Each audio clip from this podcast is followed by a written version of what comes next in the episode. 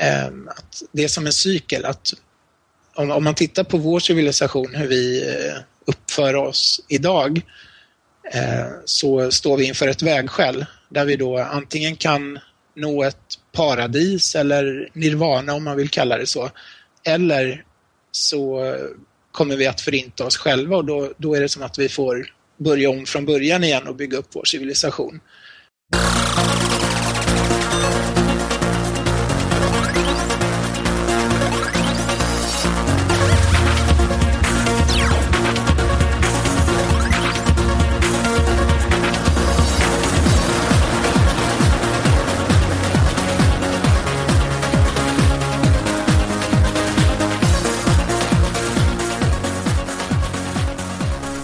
Välkommen till ännu ett avsnitt av podcasten Mellan svart och vitt.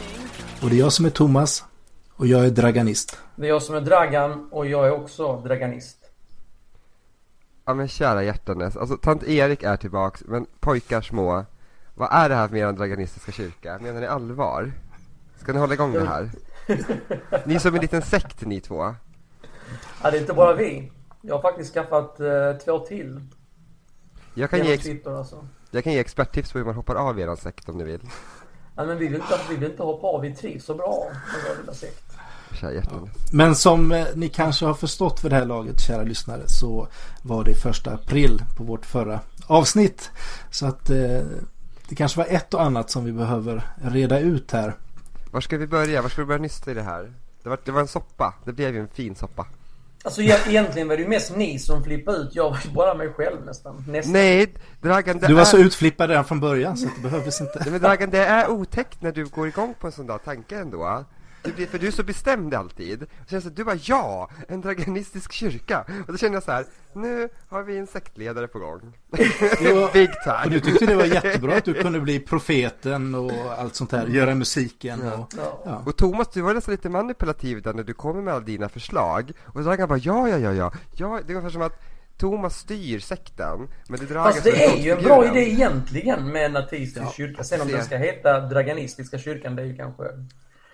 Precis, och det skulle jag vilja säga också att det blir ju lite så att det som eh, det är ju delvis skämt och delvis allvar och det är det som blir lite Lite lite speciellt. För jag menar, eh, jag väver ju in när jag pratar om att jag har gått och blivit ateist så väver jag ju in saker som faktiskt är sant i det hela. Eh, jag har inte gått och blivit eller kallar mig för ateist. Däremot så har jag ju sagt innan att jag står på ett rätt. Jag står ju i, ett, i en bottennivå i min tro. Och jag menar steget där är ju rätt hårfint egentligen. Och ja, avsaknad av tro eller inte avsaknad av tro det är ju det är faktiskt en rätt så fin linje. Det är ju inget eh, ja, oh. det är inte svart eller vitt på det sättet riktigt. Så, jag. så mission vara- accomplished är alltså not yet. Kan man säga för min del. Och jag tänker på en fin sång när du säger att du är nere på botten i din tro. Ja. Fast, fast det här är en sån sång som jag tror Dragan sitter och sjunger för sig själv då. Nere Okej. på botten, här är det toppen. Och så, ja. Men vad menar du med det? Att jag är på botten liksom? Nej, inte du! Thomas är på botten. Aha, och då sitter du och okej. sjunger här nere på botten, här är toppen, lilla sjöjungfru. Ja, okej. Nej, vi, vi, Ja, visst, men jag vi- klagar vi inte på det. Jag tycker på sitt sätt att det är toppen att vara på botten. Jag tycker det är väldigt givande på många sätt. Ja, Mm. så kan det vara när man är draganist. jag kan väl då ja, visst. förtydliga att, att eh, nej, jag blev inget Jehovas vittne igen. Uh, jag vet inte vart, vart jag skulle hämta min tro igen om det skulle vara så. Uh, och så nitiskt som jag predikade för er den gången har jag nog aldrig predikat i hela mitt liv. Och även om du skulle blivit hardcore Jehovas vittne så givetvis skulle du alltid varit välkommen. inte träffa barnen och så vidare. Men, och det var så, och en, en som hade kommenterat på Facebook som ni skrev om, han var så här, det var någon som hade varit illa berörd över att typ ni bara lät de var så här, det var en kompis i nöd och ni hjälpte inte honom typ. Men jag bara, tror han också, jag tror nog han också gjorde april över det. På vårt. jag hoppas det, för jag var så här, bara, Men nej, jag- jag tror- folk får inte bli illa berörda. Vilket åt samvete Mm. på en gång. Men det var ju flera, Bara- det var ju flera stycken som svalde allting med hull och hår till slutet nästan. Och vissa undrar En fortfarande. del hängde nog med rätt länge. Det beror kanske på hur mycket man har lyssnat på oss också. Mm. Jag tror att kanske en 80-20 var väl positiva negativa. Det var inte alla som gillade det. Nej. det var- Smaken är ju som baken som sagt. Mm. Men det, det var kul. Det var ju också första gången vi försökte oss på något eh, sånt. Så. Om inte annat måste jag säga att Ja men det är ett spännande tankeexperiment. Jag menar hur skulle det, alltså om man bara ser det rent vetenskapligt, vilket många verkar tycka om. Vetenskapligt, jag repeterar, Ja. vetenskapligt. Så Yes! kan det vara, ja! Så kan det vara ett kul, ett, ett kul eh, empiriskt test att se så, ja, men hur skulle det låta om, i ett sånt samtal om jag skulle bli ett vittne igen och ni skulle starta en raganistisk kyrka. Så det är bara, så det var ju, det var ju rent vetenskapligt. Mm. Jo, nej men just jag tycker faktiskt att det är en väldigt bra idé med ateistisk kyrka och eh, jag Men det kommer vi igång det om det igen, kommer alltså. till Sverige. Nej men jag tycker det är en bra idé. Eh, det finns säkert bättre namn. Eh, det, det, finns mycket det? möjligt, det finns mycket möjligt sämre namn. Titta bara på de kristna samfunden. Missionskyrkan, metodisterna och svenskbaptisterna. De har skapat ett samfund som heter Gemensam framtid. De funderar på att byta det till, dra, eh, till, draganistiska, Raganistisk framtid. till, till gemensam kyrka. Draganistisk framtid. Ja, Det- draganistisk Det låter som ett sånt här parti. Ja, precis. Nej, men DF, så att det är ju inte lätt. framtid. Eh, Och mitt gamla samfund då, eh, det som nu heter Evangeliska Frikyrkan, som då är Helgelseförbundet, Örebromissionen, Fribaptisterna. eh, Det hette ju Nybygget först. Och det var ju många andra förslag där, bland annat, jag minns speciellt Morgonrodnad, Nybygget. Nybygget. Det låter ju som ett Ah, företag. draganistisk liksom. morgonrodnad. Sen, sen när det gällde The Bible och lite hur man eh, approachen där att man skulle eh, be och, och sådär. Det var väl kanske mer en, en Thomas eh, 1990 eller något sånt där som pratade där skulle jag tro. Jag menade allvar. Ja, ja. Och sen, så, och sen så tyckte inte jag att eh, filmen Prometheus, då, även om det är en bra film, att, att den liksom var... Att det var en verklighetstrogen film. Så att jag kan berätta det också. Ja, Var det det var väl kanske skämt? ungefär det eller? Ja, Och sen, sen givetvis så eh, Bosse är ju fantastisk. fortfarande. Det var inget skämt. Nej, även om det låg lite allvar i att, eh, att ja. Och just det, du är inte less på den där boken får du väl också säga? Ja, är jag less eller inte? Jo, jag har en frustration vad gäller Bibeln och bibelsyn och hur man ska hantera den. Så det var sant den strofen, att du är less på den boken? Nej, Nej. alltså jo, lite less men också på något sätt så tycker jag att det är ehm, Jag har ju aldrig läst Bibeln så mycket som jag har gjort, alltså de senaste 15 åren som jag har gjort nu. Okej.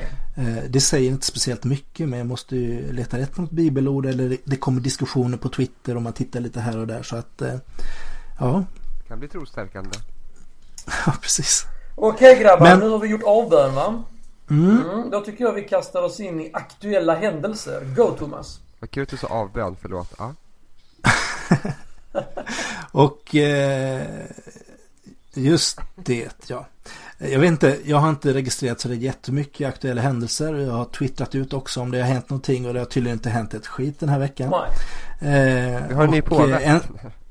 Ja, precis, men det är ju gammalt Ja. och Dragga vill inte prata mer om Nej. katolikerna. Så att, eh, eh, och sen var det lite kul det här som jag läste, det var också något jag såg på Twitter, det här med att, eh, att just Nix-registret, där man ska slippa massa telefonförsäljare och liknande, har en del undantag. Och bland annat så är det då undantag för religiös upplysning. Så att eh, man kan alltså ringa och försöka övertyga, frälsa folk över telefonen. Det går bra. Men, det måste ju vara någonting för Jehovas. ja, men det har jag gjort massor. Så du har, alltså, du har gjort det Ja, också? gud ja. Det är Alltså, ju... har jag, du kan- det? jag kan inte bara Ja. föreställa mig hur förbannad jag har blivit om något, Nej, något men Jehovas det är ju- ringde hem till mig alltså. Nej men det var jätteroligt. Uh, alltså det, för det som är, för då jobbar man ju inte mot, mot register på det sättet utan det, det handlar om är ju att, att många portar idag har portkoder vilket gör att du inte kommer in då för att kunna knacka på dörrarna. Så då kan man ju faktiskt då söka fram människors telefonnummer i en vanlig telefonkatalog eller på nätet. Det tar en jävla massa tid kan Det är någonting som jag kom, någonting som jag kom fram. på här. Men, men det är bara att ringa, alltså det är bara deras telefonnummer finns ju, ja. Jo, lyckades du få över någon till Jehovas egentligen? Med alla dina ringningar och knacka dörrar och sånt. Lyckades du få över någon? Nej men sådär halvt. Ja, okej, halvt. Ja, Okej. för, för jag... Eh, ungefär ett år innan jag lämnade så eh, var jag ute i, det kallas för gatutjänst, alltså när man, när man liksom hoppar på människor ute på gatan sådär och, och liksom lämnar ett traktat eller en tidning. Och eh, då var det en eh, trevlig kille som vi pratade om Bibeln, jag fick läsa lite bibelställen och så.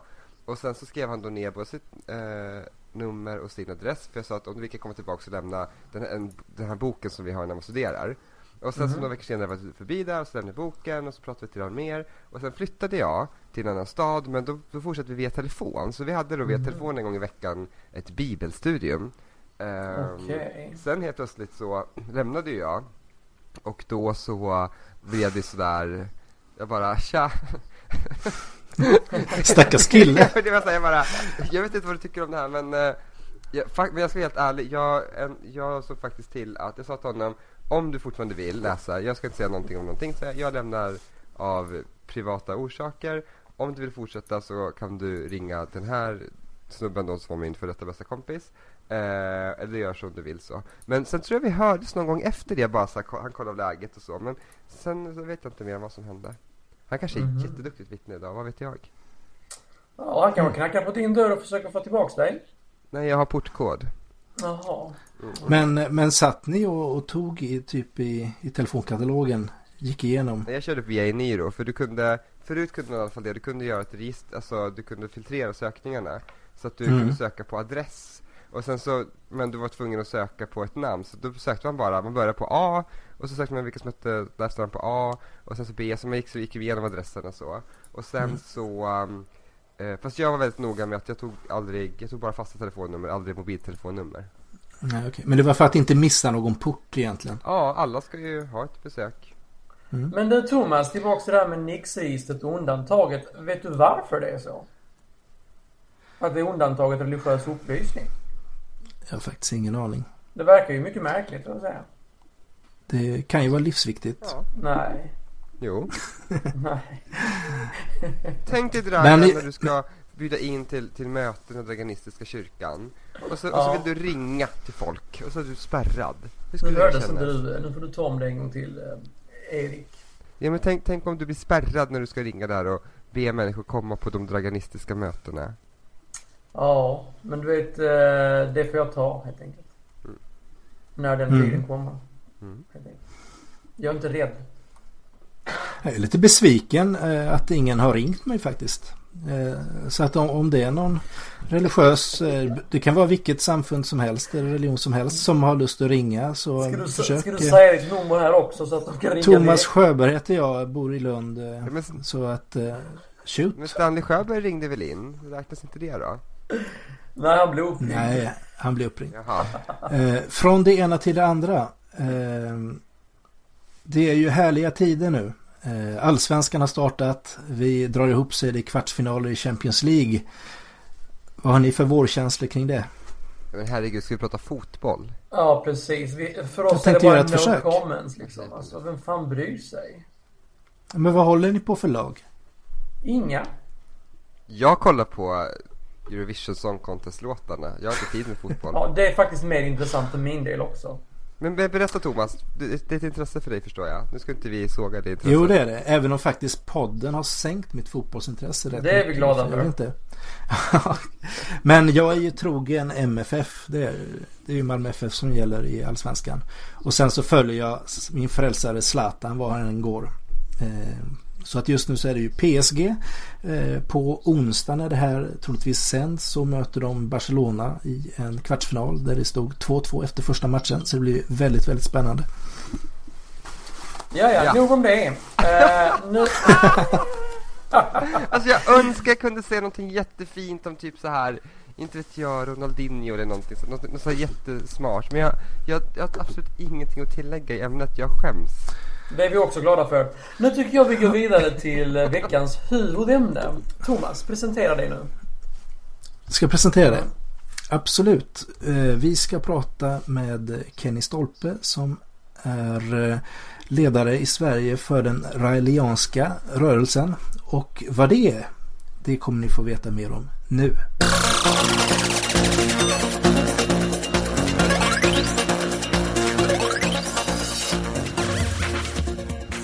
Idag har vi med oss Kenny Stolpe från den raeliska rörelsen. Välkommen till Mellan svart och vitt. Tackar. Välkommen, välkommen. Välkommen. Eh, innan, innan vi börjar prata om självaste rörelsen, skulle du kunna berätta lite om dig själv? Eh, ja, jag heter Kenny Stolpe. Jag eh, är 39 år och och eh, jag har varit med i den här organisationen sedan 96, blev jag medlem. Mhm. Ehm, och eh, ja, vet inte, inte så mycket mer att säga annars. Det, jag kan ju säga att det här är ju ett ideellt engagemang så att eh, det, är ingen, eh, det är ingenting eh, som jag får lön för. Eller det, det är någonting då som jag är engagerad i på min fritid så annars så har jag ett liksom, heltidsjobb och det, det är likadant med alla, alla medlemmar att man, man är engagerad på sin fritid så mycket man kan och vill. Okej. Vad jobbar du med? Eh, jag jobbar med webbkommunikation kan man säga. Okej. Ja. Intressant. Eh, kan du berätta lite om eh, rörelsen och dess mål? Ja, vi har två mål. Eller för, för det första om jag berättar om organisationen då. Det är en ideell organisation, internationell, finns i de flesta länder över hela världen. I, och eh, vi har som mål att informera om ett eh, budskap eh, eller ett meddelande som eh, en person som heter Rael säger att han då fick 1973 eh, vid ett möte när han träffade en, eh, en besökare från en annan, ett annat solsystem. Eh, och så vårt, eh, vårt ena mål är att sprida den här informationen. Se till att alla får eh, veta det på jorden. Eh, vårt andra mål det är att bygga en ambassad för, den här, eh, för de här utomjordingarna. Eh, och eh, ja, vi kommer säkert in på det senare, men det var, det var kort om, om våra mål som, som organisation. Kan du berätta lite just om, eh, om just det här mötet som Rael hade med utomjordingarna och vad de sa till honom? Man kan säga att det började 1973 den 13 december. Och det som hände då det var att Rael, som eh, vid den tiden hette Claude Varillon, eh, han bodde i Frankrike och eh, var då, han var journalist och hade en, drev en egen motorsportstidning. Eh, han, hade, han var rallyförare som hobby och hade det som sin passion. Och eh, det som hände är att han fick en känsla, liksom, eh, hans intuition sa att han eh, skulle åka ut i naturen till ett speciellt ställe. Eh, och där, när han kom ut dit så ser han en farkost närma sig, komma ner ljudlöst från himlen. Och det är ungefär som vi tänker oss UFO idag, att en UFO-farkost, sån här liten, vad ska man säga, som en tillplattad eh, kyrkklocka ungefär, lite silverfärgad, som kommer ner, blinkar och eh, landar framför honom. Och eh, han beskriver det först då som att han blev, han blev lite rädd men samtidigt var han nyfiken och eh, undrade vad det var som, vad som hände liksom och vad de kom, kom dit för så att säga. Och eh, det som hände är att den här farkosten landar framför honom. Eh, en, en liten lucka öppnas och en, en, eh, liten person kommer ut. En, en mänsklig eh, varelse. Ser ut precis som en människa som vilken som helst men eh, lite kortare till växten. Och eh, börjar prata med Rael på franska. Och eh, det som händer då är att eh, Rael blir, eh, ja, de presenterar sig först och Rael undrar såklart eh, liksom, vem är du och vad gör du här och så vidare. Och eh, det den här varelsen säger till honom att jag kommer för att träffa dig och eh, jag har ett eh, budskap, ett meddelande som jag vill att du förmedlar till eh, mänskligheten.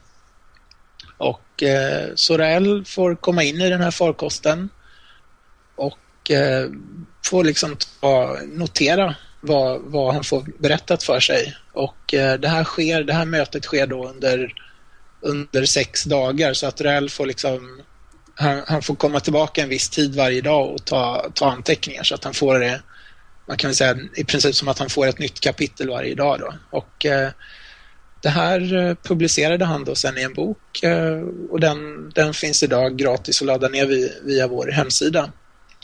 Eh, Jag, jag har en fråga där mitt i detta. Hur kommer det sig att den här varelsen då berättade detta för just Claude? Som heter Ja. Varför Ja. var han utvald? Det, det var ju just eh, Raels eh, första fråga själv då. Eh, han Aha, frågar okej. liksom Mm. varför, varför, varför just mig? Varför har ni... Mm. Och eh, det svaret han fick då det är att de, de ville, det, det är flera orsaker, men för det första ville de ha en person som kunde förklara det här budskapet på ett så enkelt sätt som möjligt. Eh, enkelt och koncist. Och eh, vad, som journalist, det är ju precis det man är utbildad till. Eh, så det var en orsak. En annan orsak är att de, de behövde ha en person som eh, kom från ett land som var öppet för nya idéer. Eh, där han inte skulle riskera att eh, få dödsstraff i princip. Alltså, Det är ju lätt hänt i, i vissa länder så, så får man ju dödsstraff bara för att man säger att inte Gud finns till exempel. Och det, det hade ju inte varit så praktiskt. Eh, plus att eh, franska vid den tiden var ju också ett eh, hyfsat, man kan väl säga ett av de stora världsspråken. Och eh, Frankrike var också ett av de länder som, ja, här, man, man värderade, vad ska man säga, nya idéer högt och, och sådär. Så att det, det är där- den förklaringen eh, han fick. Visst var det någonting om att hans föräldrar också hade olika religiösa bakgrunder? Ja, just det. Det var inte hans Ja. pappa jude, eller hur var det? Ja, precis. De, Han hade, man kan säga att de ville också ha en person som inte var eh, för eh, religiöst, eh, vad ska man säga, eh, de ville inte ha någon som var liksom för ingrottad i någon religion utan de ville ha en person som var hyfsat neu- neutral till religion men samtidigt hade en viss eh, kännedom om de stora religionerna och den, den bakgrunden hade, bakgrunden hade Rael. Då, att han kom, han kom inte från något direkt eh, jättereligiöst hem men, men han hade ändå eh, genom sina föräldrar då, kunskap om både ju, judendomen och eh, kristendomen. Så, Var det, just det. Mm. Eh, skulle du kunna fortsätta berätta lite om vad, eh, vad de här eh, varelserna berättade mer för Rael? Ja, eh, om, om man då ska sammanfatta det här budskapet väldigt kort, eller liksom kärnan i det, eh, så, så är det de säger är att eh, det är de som man i tidigare religioner har kallat för Gud eller änglar och så vidare, eller i, som Allah inom, inom eh, islam. Eh, och det de säger att det är alltså de som har skapat livet på jorden. De har även skapat människan till sin avbild. Eh, och det här menar de då att eh, nu har vi kommit till den tidsåldern när vi, när vi är redo att förstå det här. Ehm, det har ju inte varit möjligt tidigare i historien, för tidigare i historien de har, man haft kontakt med mänskligheten både direkt och indirekt Eh, så har de liksom blivit eh, misstagna för gudar och det har också varit lite av deras strategi eller deras syfte att, att vi skulle tro att de var någon form av övernaturliga gudar. Så. Eh, men idag har vi kommit så långt så att vi eh, eh vad ska man säga, vi kan förstå det här på ett rationellt sätt. Vi, vi, vi har idag teknik så att vi kan, eh, vi kan se ut i rymden, vi, vi har åkt till månen, vi har Eh, vi har genmanipulation så vi har faktiskt, eh, man har faktiskt redan idag kunnat skapa bakterier på konstgjord väg i laboratorier. Så att eh, man kan tänka sig om, om eh, ytterligare ett par år, om, om 10-20 år, då kommer vi kunna skapa helt nya arter. Vi kommer kunna åka till, eh, till Mars vi kommer, och så vidare. Ja. Så att man kan säga att idag är vi en punkt när vi håller på att själva på jorden återupprepa den här eh, processen av att själva bli, bli skapare och åka ut i rymden och, och sprida vår civilisation om man säger så. Så det, det är så de förklarar att det, det är precis så eh, det skedde i, i historien. Då. Det, det är det som att, så att de, de är upphovet till våra tidigare religioner. Okej. Om man backar då, vet man vem som skapade de här skaparna då, så att säga? De, de säger att det är, det är oändligt. Eh, Det finns ingen början och inget slut. Så de, Okej. de är skapade av andra som är skapade av andra. Och vi ska också skapa vidare sen så att säga? Ja, ja exakt. Okej. Det, det är som en, en oändlig process i universum. Och det, det är väl eh, just det här konceptet eh, är, är nog ett av de svåraste att ta till sig för, för oavsett om man är medlem eller inte så är, är vi ju vana Alltså allting i vår värld har en början och ett slut så därför är det väldigt svårt att förstå att någonting inte skulle ha en början och ett slut. Men, men samtidigt tycker jag, jag personligen tycker att det är ganska logiskt för att om man nu skulle tro att det finns en början så kan man fråga sig vad fanns den innan den början? Och säger man då att det finns ingenting så blir det väldigt konstigt att säga att det har uppstått någonting ur ingenting. Så det, ja. Um, har en lyssnarfråga här eh, som undrar lite om, om då er rörelse, om, det, om man ska se det som en religion eller om det mer är en vetenskaplig hypotes av något slag. Mm.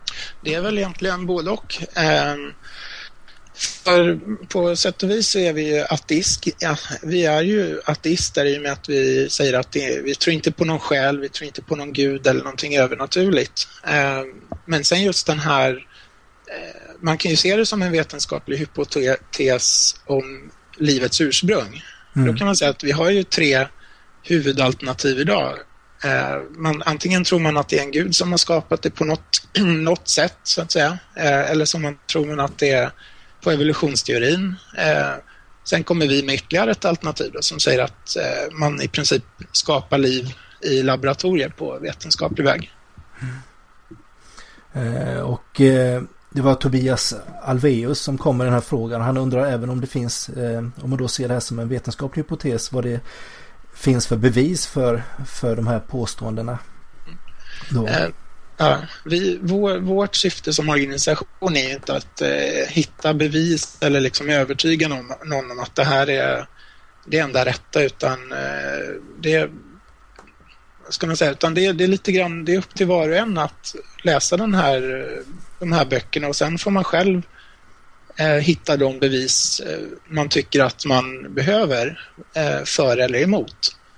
Eh, så det, för jag menar, det är, en, det är en så otroligt stor fråga så det går inte att säga att liksom det och det är ett bevis utan det, är, det, det jag själv tycker är ett bevis det är inte säkert att någon annan tycker att är ett bevis. Liksom. Det, Men eh, finns det något som du tycker är ett bevis som du kan berätta om här?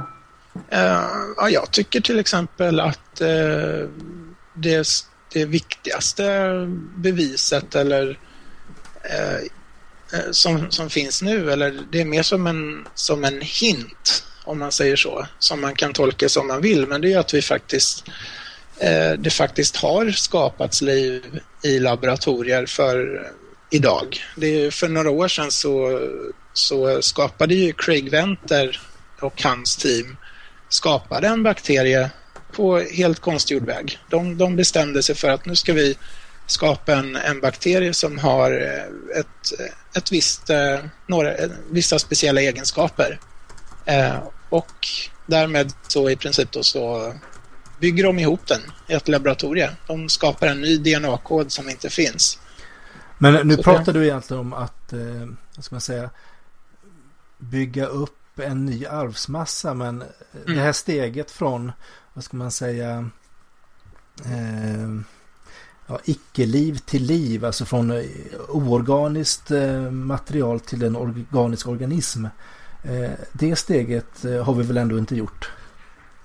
Ja, det är ju det man har gjort. Man har ju tagit eh, molekyler och satt ihop dem i den ordning man vill ha så att säga. Och sen, det är klart, de har, de har inte skapat en Eh, de har ju introducerat det i en, i en bakterie som, som finns redan. Då, så att säga. Man har tömt en, en arvsmassa och ersatt med en ny arvsmassa. Jo, precis. Man har haft, uh, man har haft något redan levande om mm. man säger så och sen gett uh. den en ny arvsmassa och fått den fungera på ett annat sätt. Men, uh, men det är väl samma som eh, även om man ser eh, eh vetenskapen och som säger evolutionen, alltså evolutions Eh, vetenskapen och liknande så eh, är det ju en del steg som man inte har svar på idag och vad jag förstår så ett av de svaren är väl just steget från eh, icke-organiskt material till vad ska man säga, de första levande organismerna. Ja. Sen menar ju vetenskapen sig ha, ha goda förklaringsmodeller på just hur, hur arterna och dess rikedom har kunnat växa fram. Men vad jag förstår så, så Är det inte Så mest kloning ni, ni så att säga är inne på? Så att säga just att skapa en vidare... Ja, jag tänkte om vi bara Ja, det är ta... klon, kloning är ju en, en teknik som bara skapar en kopia, men sen handlar det om med hjälp av genmanipulation kan man ju då skapa, gå in och ändra de variabler man tycker man vill ändra för att få fram de egenskaper man vill ha då.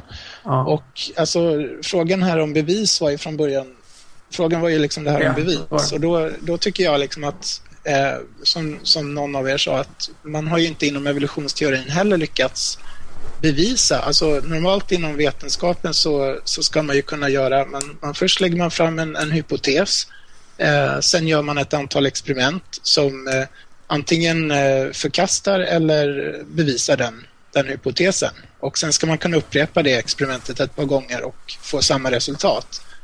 Eh, och, och det har man ju inte gjort i evolutionsstudien. Man har ju försökt återskapa de miljöer man trodde rådde då liksom när livet skulle uppstått men det har inte lett till någonting. Man, man, har, man fick fram ett par aminosyror men eh, det är liksom det är allt. Så, och sen det argumentet man har sen då utöver det, det är att man säger att eh, man, men om man väntar tillräckligt länge eh, men jag känner inte till någon annan vetenskaplig eh, vad ska man säga, något annat vetenskapligt område där det anses vara ett godkänt, eh, en godkänd faktor att säga att om att bara vänta så att säga, så kommer det ske senare. Utan man måste ju kunna återskapa då processen och få fram samma saker igen.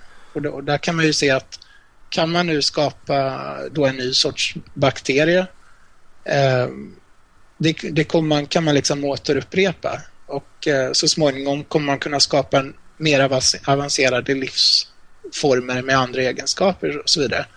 Eh, så det, det, ju, det kommer ju aldrig kunna bevisa att det vi säger att just Elohim har, att, att just de här utomjordingarna skulle ha skapat liv. Men, men det det däremot, tyck, vad jag tycker det bevisar, det är att det är möjligt att skapa nya livsformer i ett laboratorium. Mm.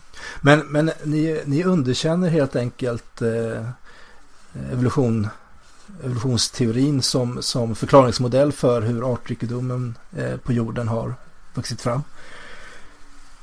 Eh, ja, ja, när det gäller artrikedom, alltså det man kan säga, vissa saker går ju att observera som, eh, som naturligt urval till exempel. Mm. Men, men eh, det har ju snarare motsatt effekt, att det, det ser till att de, eh, vad ska man säga, en ras eh, inte blir, eh, vad ska man säga, deformerad eller muterar allt för mycket och så vidare. För att eh, tack vare naturligt ur, urval så gör man ju att rasen hålls att, att de bästa individerna, så att säga, att, att den genetiska koden behålls så intakt som möjligt. Det finns ju, finns ju processer inom DNA-koden till exempel som gör att en cell eh, i, i princip begår självmord om, om, den blir för, om det blir för stora förändringar i arvsmassan.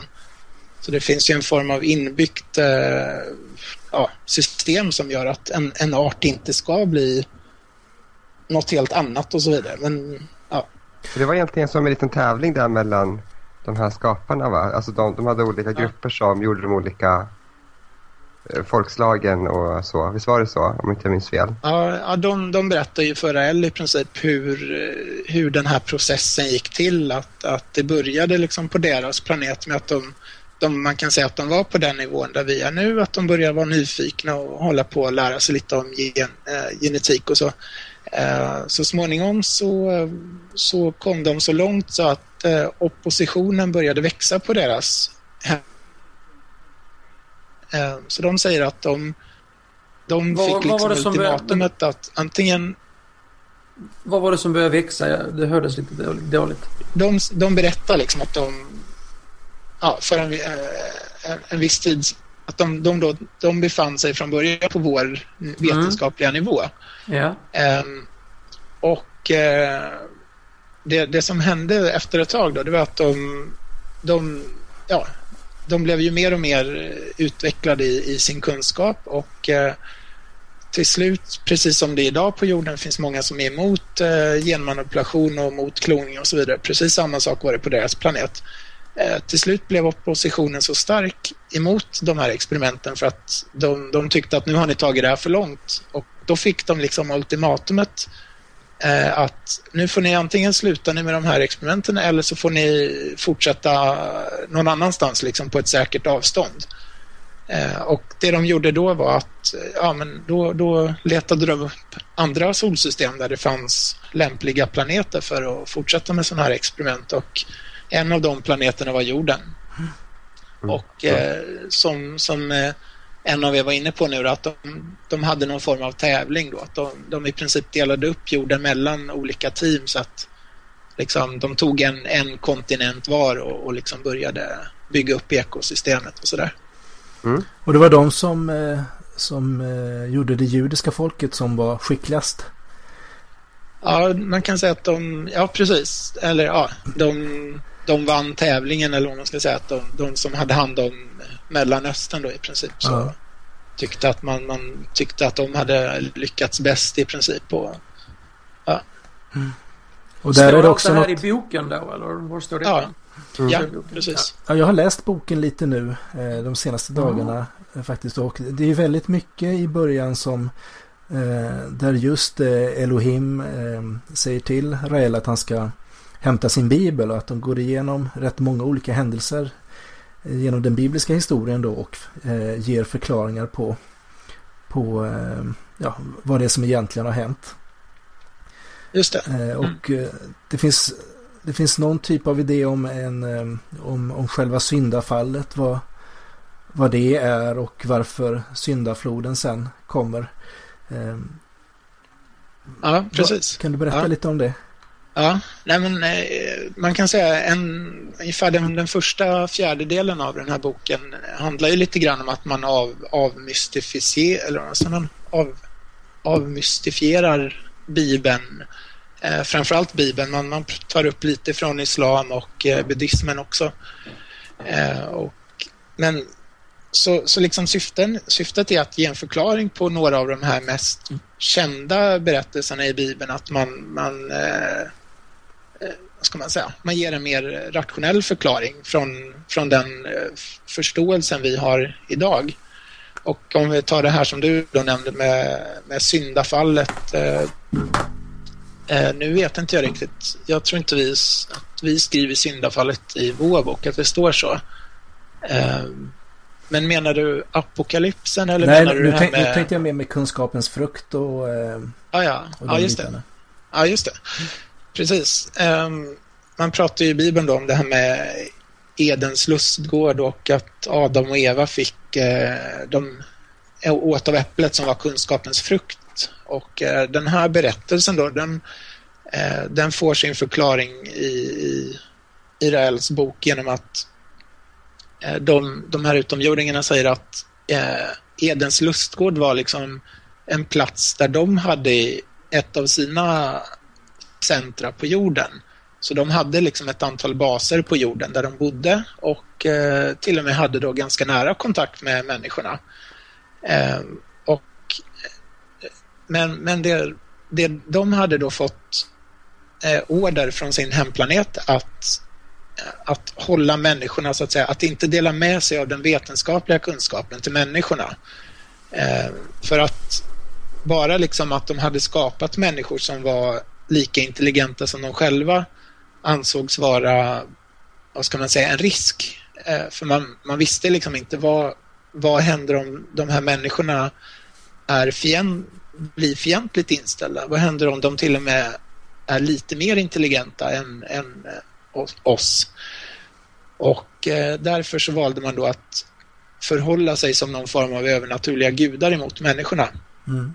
Eh, men däremot så då fanns det ett, ett av, eller en grupp av, av de här utomjordingarna som, som eh, vad ska man säga, man, man tyckte annorlunda. Man, man ville gärna, man ville liksom, man dela med sig av den vetenskapliga kunskapen till människorna också. Man ville förklara för människorna att liksom, vi, vi är som er, vi är, också, vi är också människor. Det är bara att vi har lite mer teknisk eh, kunskap än er. Och eh, Eh, man, man gav dem till exempel vapen så att de skulle kunna jaga, jaga lättare och sådär.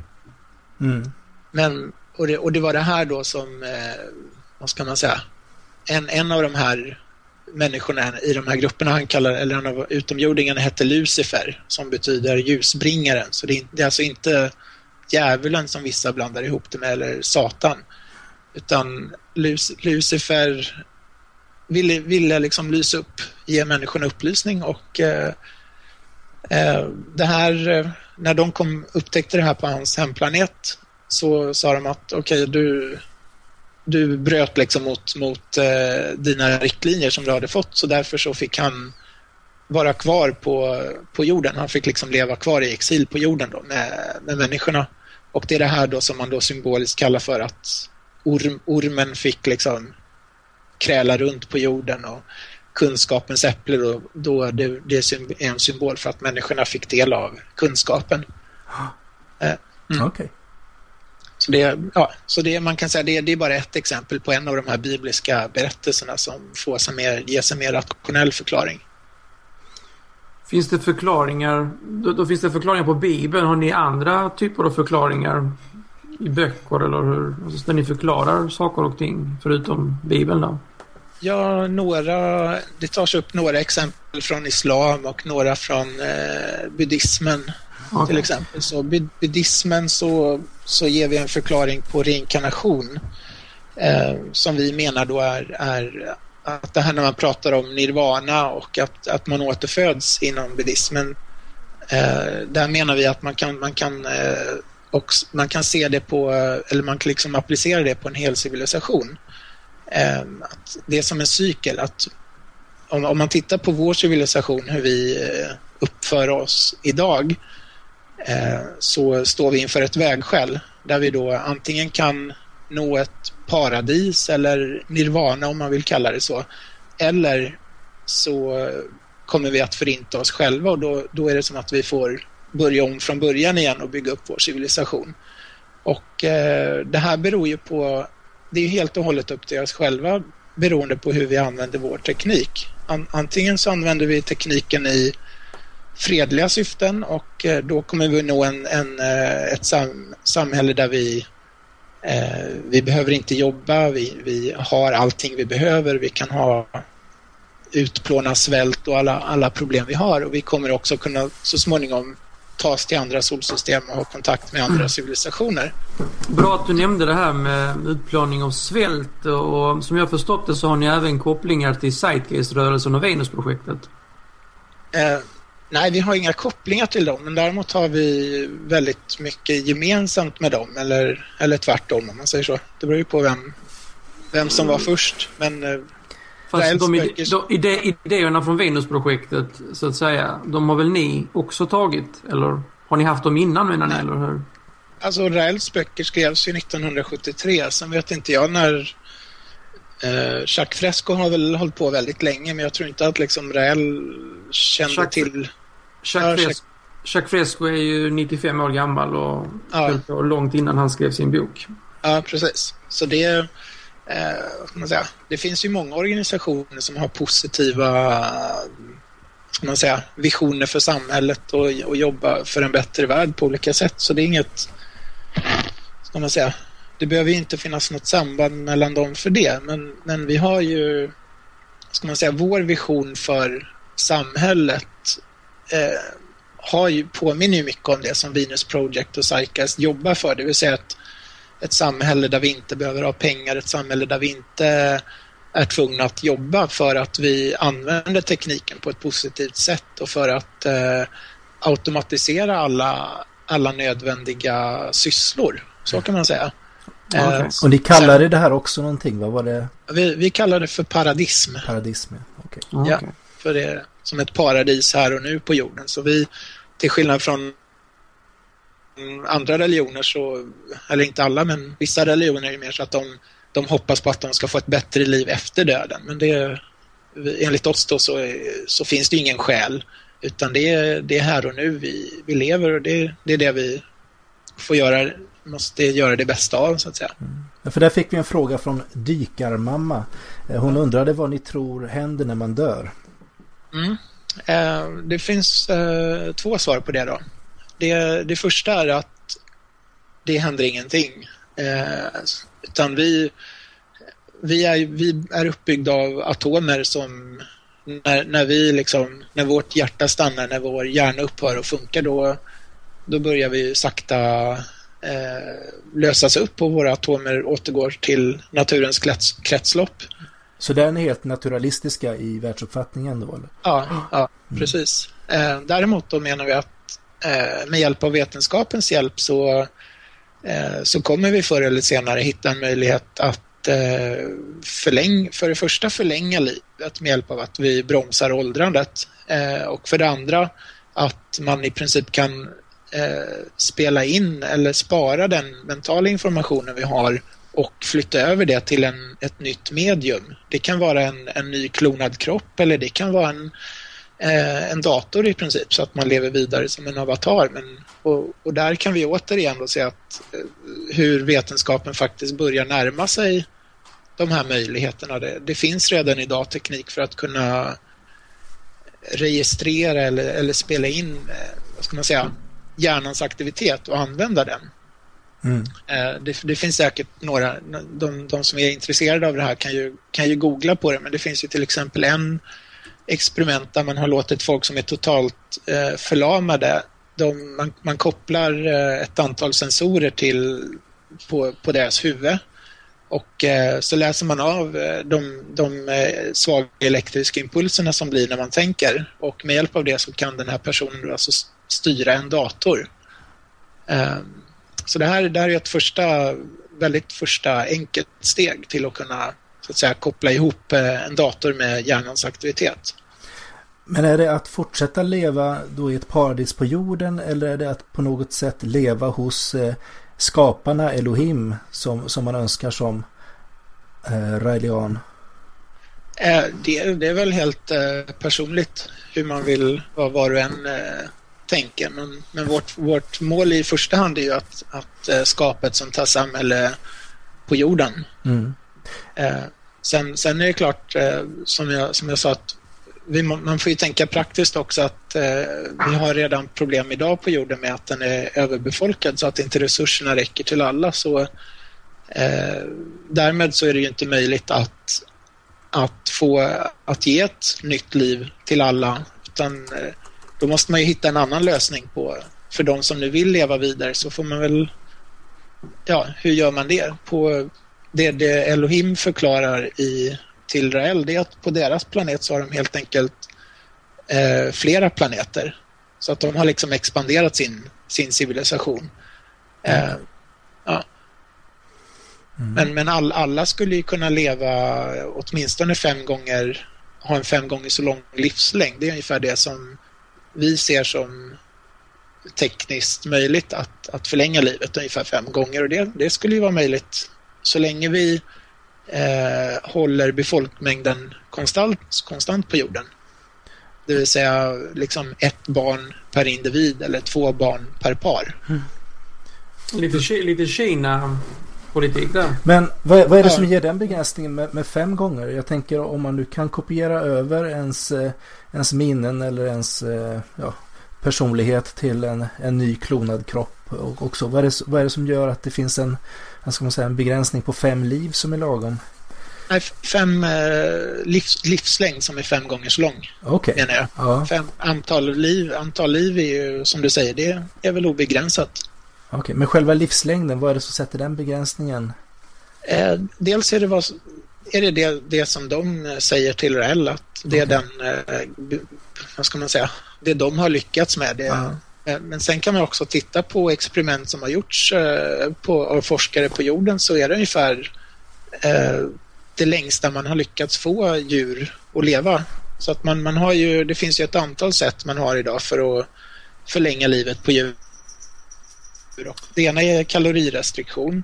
Eh, sen har man någonting man kallar för telomerer som eh, är kopplat till åldrande och de har man då kunnat förlänga. Eh, och det här har man gjort på en viss typ av maskar, man har gjort det på möss, eh, säkert några mer djur också. Och, men, men vad jag känner till i alla fall så har det hamnat ungefär på någonstans mellan tre och fem gånger som man har lyckats förlänga livslängden. Okay. Okej, om vi går tillbaks till dig lite grann här. Varför gick du med i rörelsen?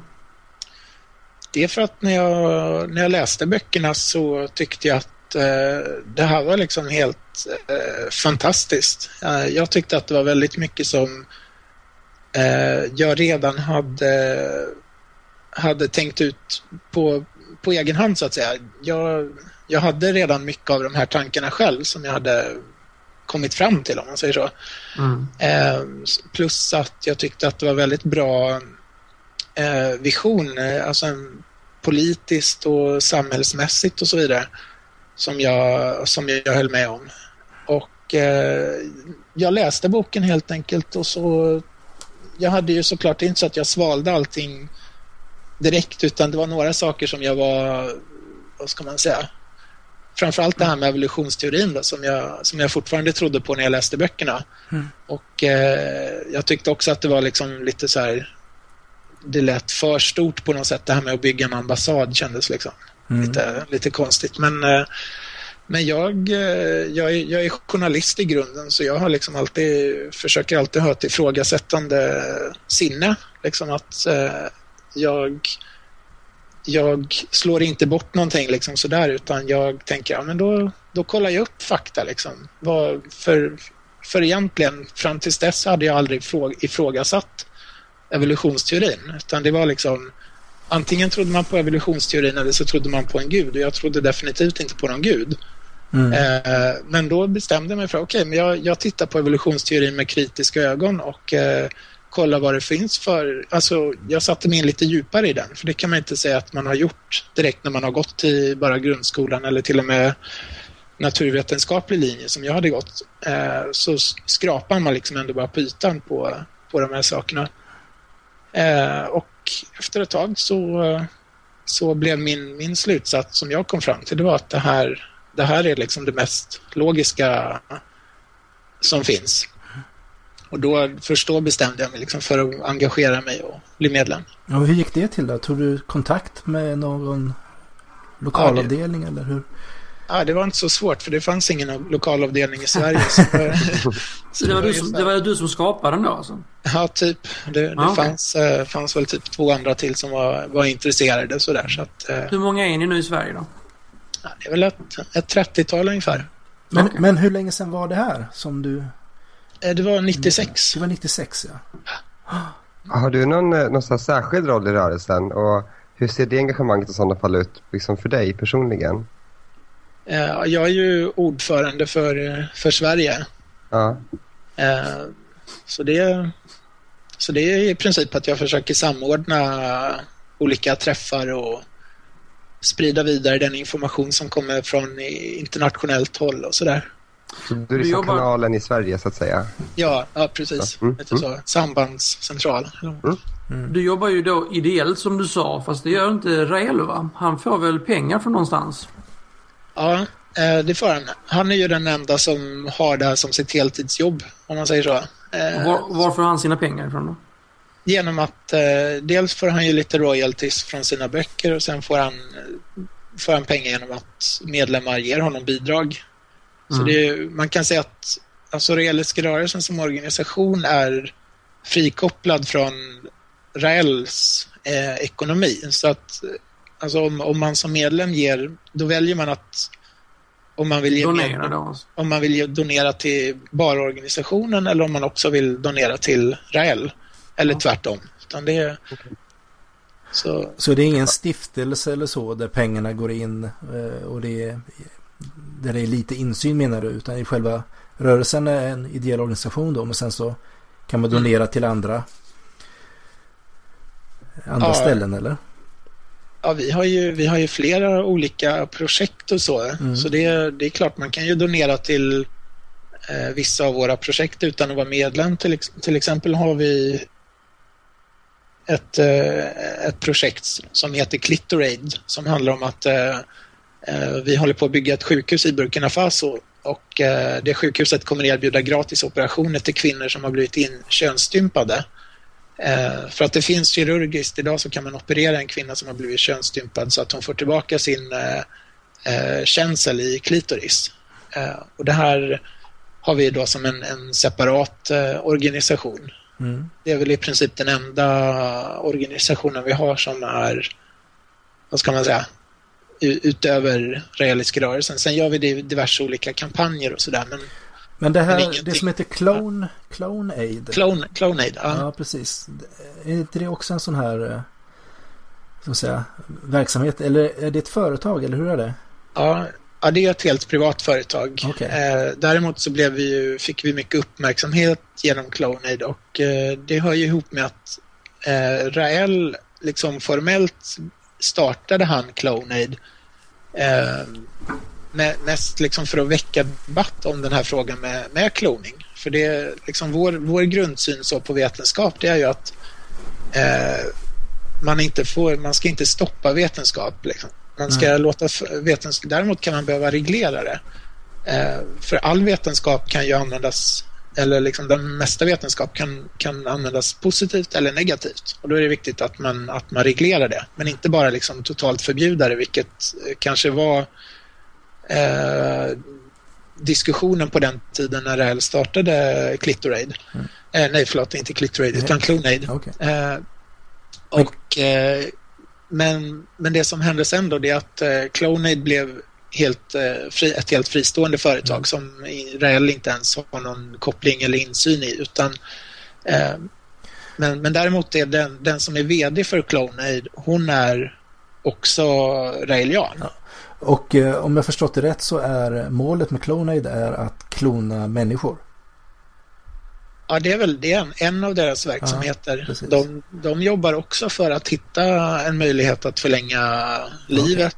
De, Fast de, är det lagligt? Är det lagligt någonstans att klona människor?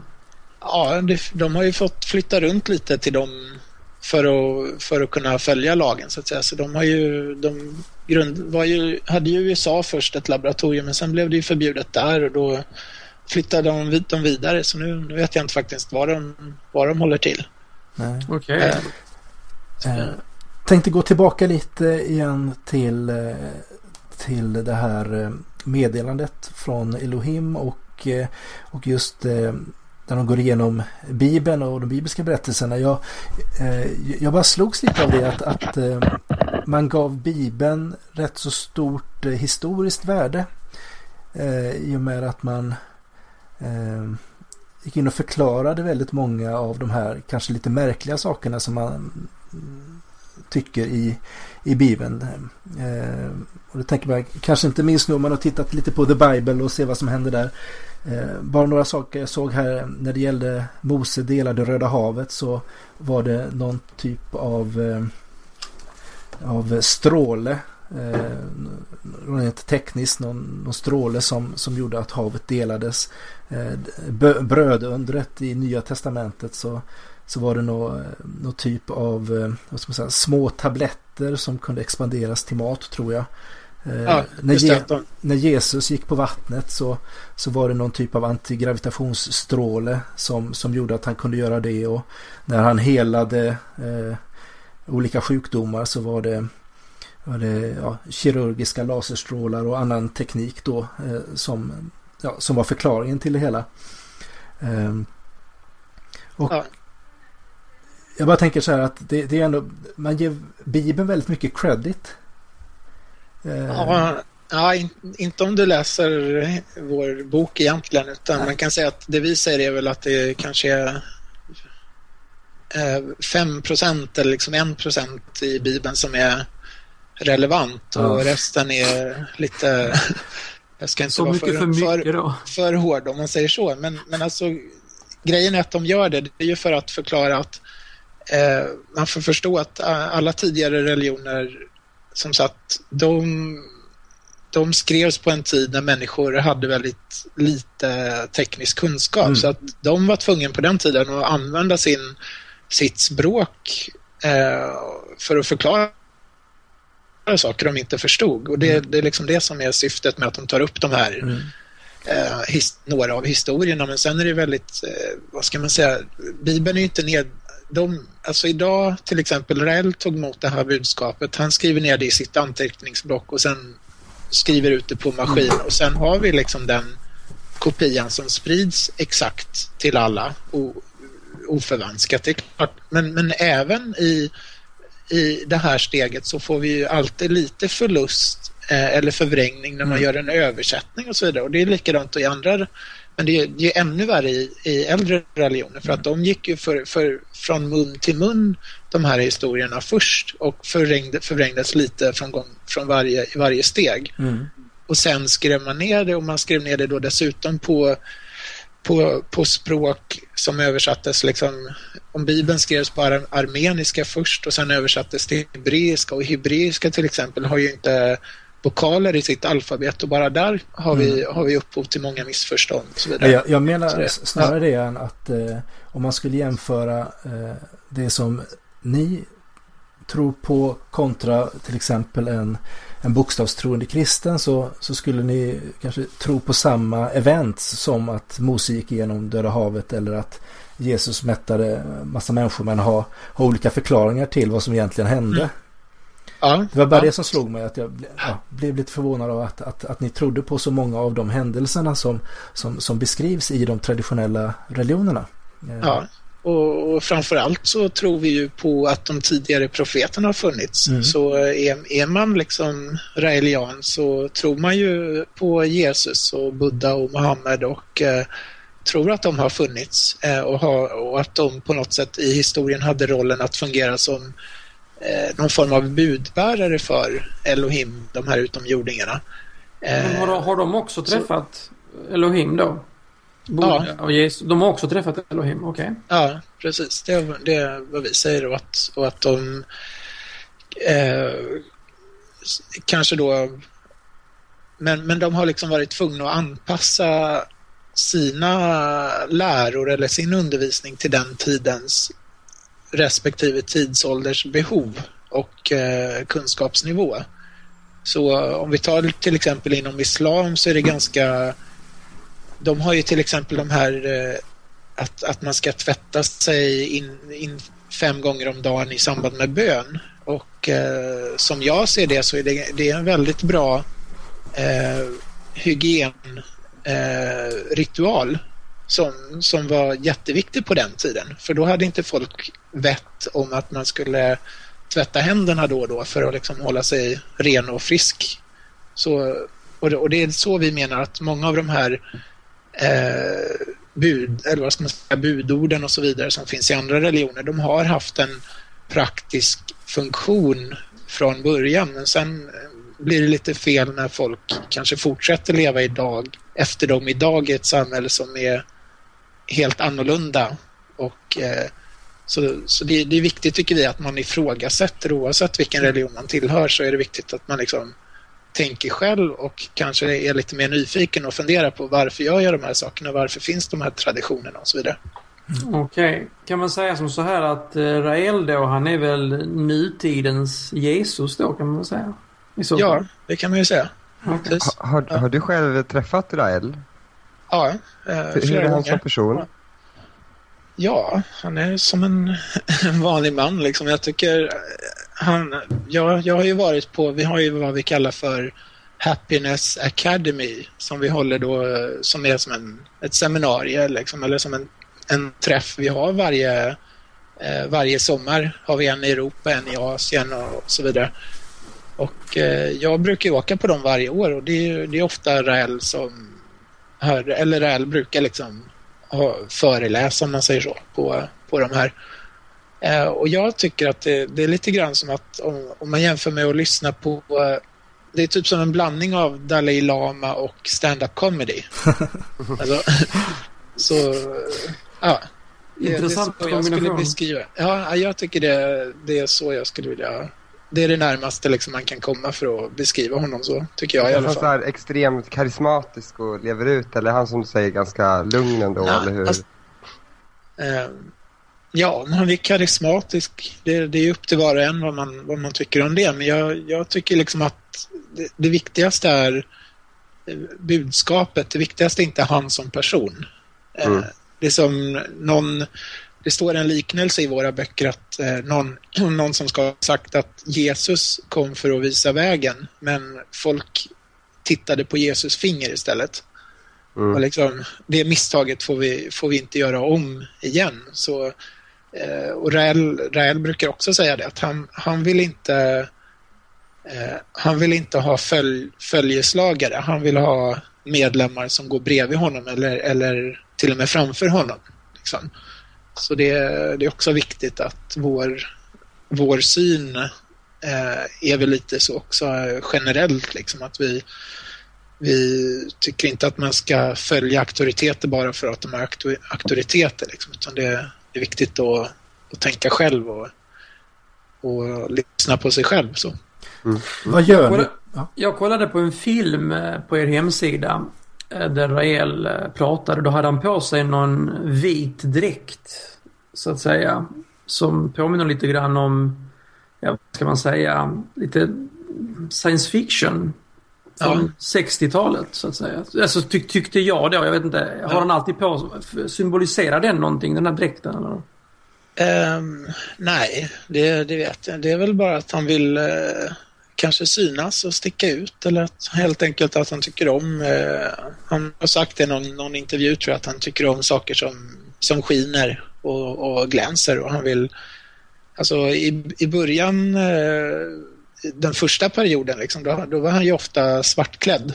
Okej. Okay. Så jag, jag, tror att han eh, kanske efter ett tag så så, så är det, det, det är ju så att vi, vi har ju liksom en väldigt positiv eh, filosofi och då vit är väl en liksom positiv färg jämfört med svart. Så, Ni har ju en symbol ja. som skulle kunna tolkas annat än positivt. Eller, det är ju en kombinerad Davidsstjärna och en eh, svastika.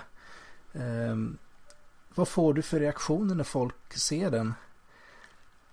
Det beror på vem, vem det är. Är det, är det en eh, asiat så eh, tycker den inte alls att det är något speciellt för att i Asien är ju svastikan eh, en väldigt vanlig symbol och som har funnits med i historien. Eh, inom buddhismen är det en symbol för välmående. Medan i, i västvärlden så blev, det ju, blev ju svastikan eh, i princip kapad eller liksom missbrukad av, av nazismen då. Så det är, det är väl olika men, men eh, och det är klart och, och sen har vi som du sa att vi har en Davidsstjärna runt om. Mm. Eh, så det menar det, det är väl olika. Det är en stark symbol får man ju säga. Ja, det kanske är det om man, om man inte vet vad den, vad den symboliserar då. Ja. Enligt, enligt oss så är det en symbol för oändlighet. Ja. Och Davidsstjärnan, vad symboliserar den här? Det, det är de, de symbolerna tillsammans okay. är en, eh, blir en symbol för oändlighet. Så okay. att da, Davidsstjärnan är en symbol för rummets oändlighet och eh, svastikan är en symbol för eh, cykliskheten, alltså tidens oändlighet. Eh, för om man, om man tittar på Davidsstjärnan så är det ju som två trianglar, en som pekar upp och en som pekar ner. Eh, och det här då menar vi, det är en, eh, om, man, om man tittar på eh, rummet och hur det ser ut så, så består vi av, av eh, vi består av celler som består av molekyler som består av atomer som i, i sin tur består av mindre och mindre beståndsdelar i, i oändlighet. Eh, tittar vi ut i, i eh, universum så är det precis tvärtom där eller likadant om man säger så. Att vi, vi bor på en planet som snurrar runt en sol som snurrar runt i ett, eh, en galax eh, som snurrar runt i, i en ytterligare en klump av galaxer som finns i en ännu större liksom, konstellation. Så. Du berättade om de här happiness eh, campsen eller ja, ja. Happiness Academy. Academy, Happiness Academy. Vad, vad gör ni eh, under dem? Eh, har ni speciella ritualer eller det, det är som en, en väldigt, eh, vad ska man säga, rolig konferens tycker jag. Det, det är liksom där alla är sig själva. Att man, eh, det brukar, det är liksom så att vi har, för, för det första börjar liksom varje morgon med att eh, man har meditation. Eh, och eh, sen så kanske så under förmiddagen så brukar det vara då föreläsning på lite olika teman. och Som jag sa, Eh, ibland så är det Rael som, som pratar och ibland är det någon annan som pratar beroende på vilket eh, tema det handlar om. Och sen eh, har vi liksom mycket fritid så de, de här eh, hålls ju alltid på ett ställe där det är Dels är det ju på sommaren så att det är, det är fint väder och och eh, till exempel nu till, till sommaren så kommer vi ha träffen i, i Kroatien mm. på ett ställe där det liksom är ett fint hotellkomplex med många pooler och sportmöjligheter sådär. Så då, då har man ju tid att liksom bara hänga, liksom, ligga, i, ligga vid poolkanten eller göra vad man vill och umgås. Eh, sen på kvällen så har vi olika, kan, kan vara att det är en show till exempel. En, för vi, vi har ju många medlemmar som är som är artister och eh, då, då uppträder ju de där gratis. Så att all, allting... Får, man dricka, ja. får man dricka alkohol också på kvällarna? Ja, vi har ju alkohol är okej, men inte, inte tobak eller andra droger. Och varför är eh. alkohol okej, men inte andra droger? Vi säger att liksom alkohol till typ så ett, ett, glas vin till maten eller så där är okej, men inte, inte i syftet att eh, dricka sig aspackad, om man säger så. Okej. Okay. Så, men det är vår, vår syn på droger annars generellt är att vi tycker att det, det måste vara upp till eh, var och en. Vi tycker, vi tycker inte att samhället ska inte liksom kriminalisera droger. Utan, så drogerna ska släppas fritt i samhället?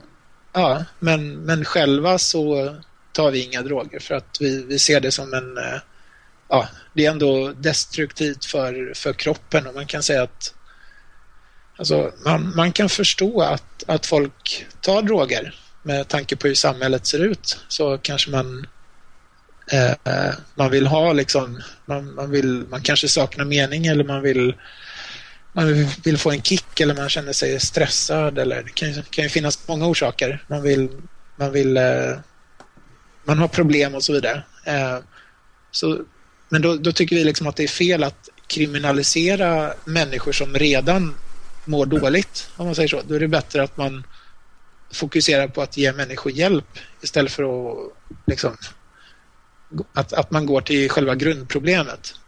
Fast det hjälper, hjälper ju inte att släppa drogerna fria direkt. Ja, det beror på om, om det blir lagligt. Det har ju legaliserat delvis i, i Danmark nu. Har man gjort det, så det får man ju se hur de ex experimenten går. Ja. Jag tänkte en annan sak. När man googlar runt lite eller läser om er så, så verkar er rörelse vara rätt så inknipt förknippad med eh, sex och sexualitet. Eh, hur kommer det sig att Ja, det är väl mycket vad, vad media liksom väljer att, att fokusera på. Ja. Så bara, bara för att vi säger att vi, eh, vi tycker att det är fel att man i, i många andra religioner så har man tabubelagt eh, sexualitet. Mm. Eh, vår syn är ju att eh, eh, liksom all, all naturlig njutning är, är bra och eh, man, man ska vara fri att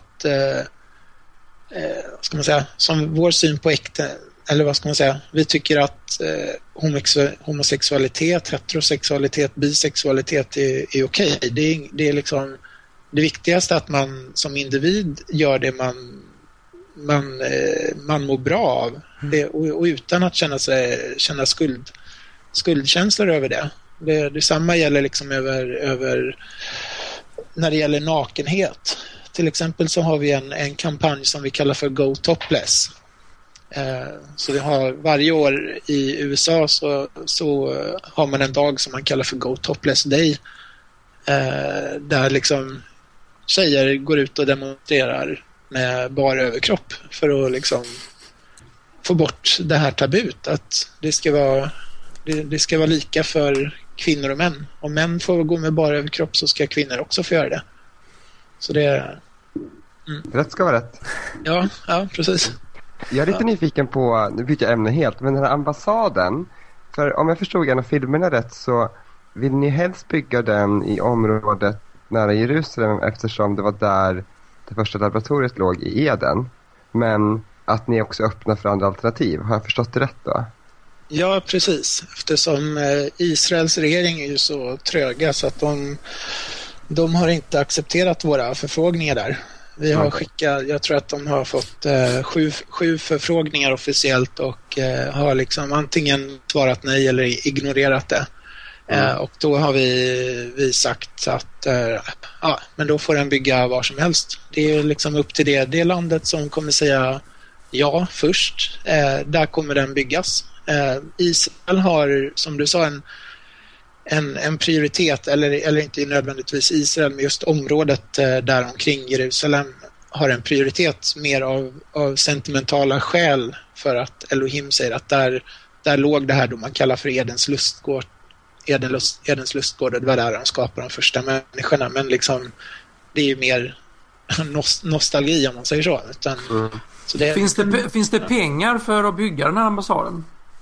Det, det beror ju på var den kommer byggas eftersom vi, vi kommer ju bekosta allting. Vi, vi köper marken, vi, vi står för byggkostnaderna och eh, därmed så är det ju svårt att säga exakt vad det kommer kosta för att bygger vi den någonstans långt upp i, i Norrland så kan vi ju kanske få mark ganska billigt. Men ska vi bygga den liksom på Manhattan så blir det väldigt dyrt.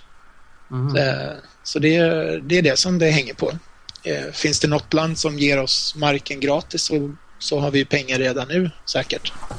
Okej. Okay. Men det finns en fond någonstans med pengar för detta? Ja, ja precis. Så, så man, eh, som medlem så väljer man ju... Vi, vi tar liksom en en, en viss procent av, av medlemsbidragen avsätts till en fond. Mm. Så det är, så det är som sagt, det, pengarna är inte problemet för oss i det här projektet utan det är att någon, någon, något lands regering måste säga bevilja oss den diplomatiska immuniteten då. Och det gör, har inget land gjort hittills? Nej, nej. Men ni har satt någon deadline där vid 2035, stämmer det? det är, ingen, det är liksom ingen deadline utan det är, det är mer en uppskattning av Rael att han säger att eh, han, han uppskattar att senast då kommer det ske och eh, det här hänger lite grann ihop vad man, vad man kallar för singularity. Eh, in, inom vetenskapen det finns vissa så trendforskare eh, som pratar om något man kallar för singularity och det innebär att eh, vi har en, en vetenskaplig utveckling som är accelererande. Vi, vi kan se det väldigt tydligt in, inom eh, den digitala tekniken och eh, där vi har en, en exponentiell utveckling. Eh, och då menar man att någonstans mellan 2025 och 2035 då kommer vi ha upptäcka eller liksom få fram artificiell intelligens som blir på något sätt självutvecklande. Eh, och det här, vad det här innebär, det kan vi knappt föreställa oss tror jag.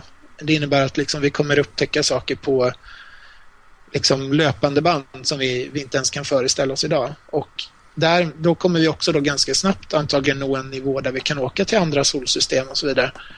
Och därmed kan man säga att eh, antingen så kommer vi förinta oss själva då när vi når, det, når så långt eller så kommer det kanske antagligen vara ganska uppenbart eh, för, för oss på jorden att vi inte är ensamma här, att det finns eh, andra civilisationer och att vi gärna vill ha en, en kontakt med dem. Så det, det hänger liksom ihop med den utvecklingen. Det är liksom ingen utveckling eller prognos som vi själva direkt har hittat på utan det är, ja, det är en trend som man kan se.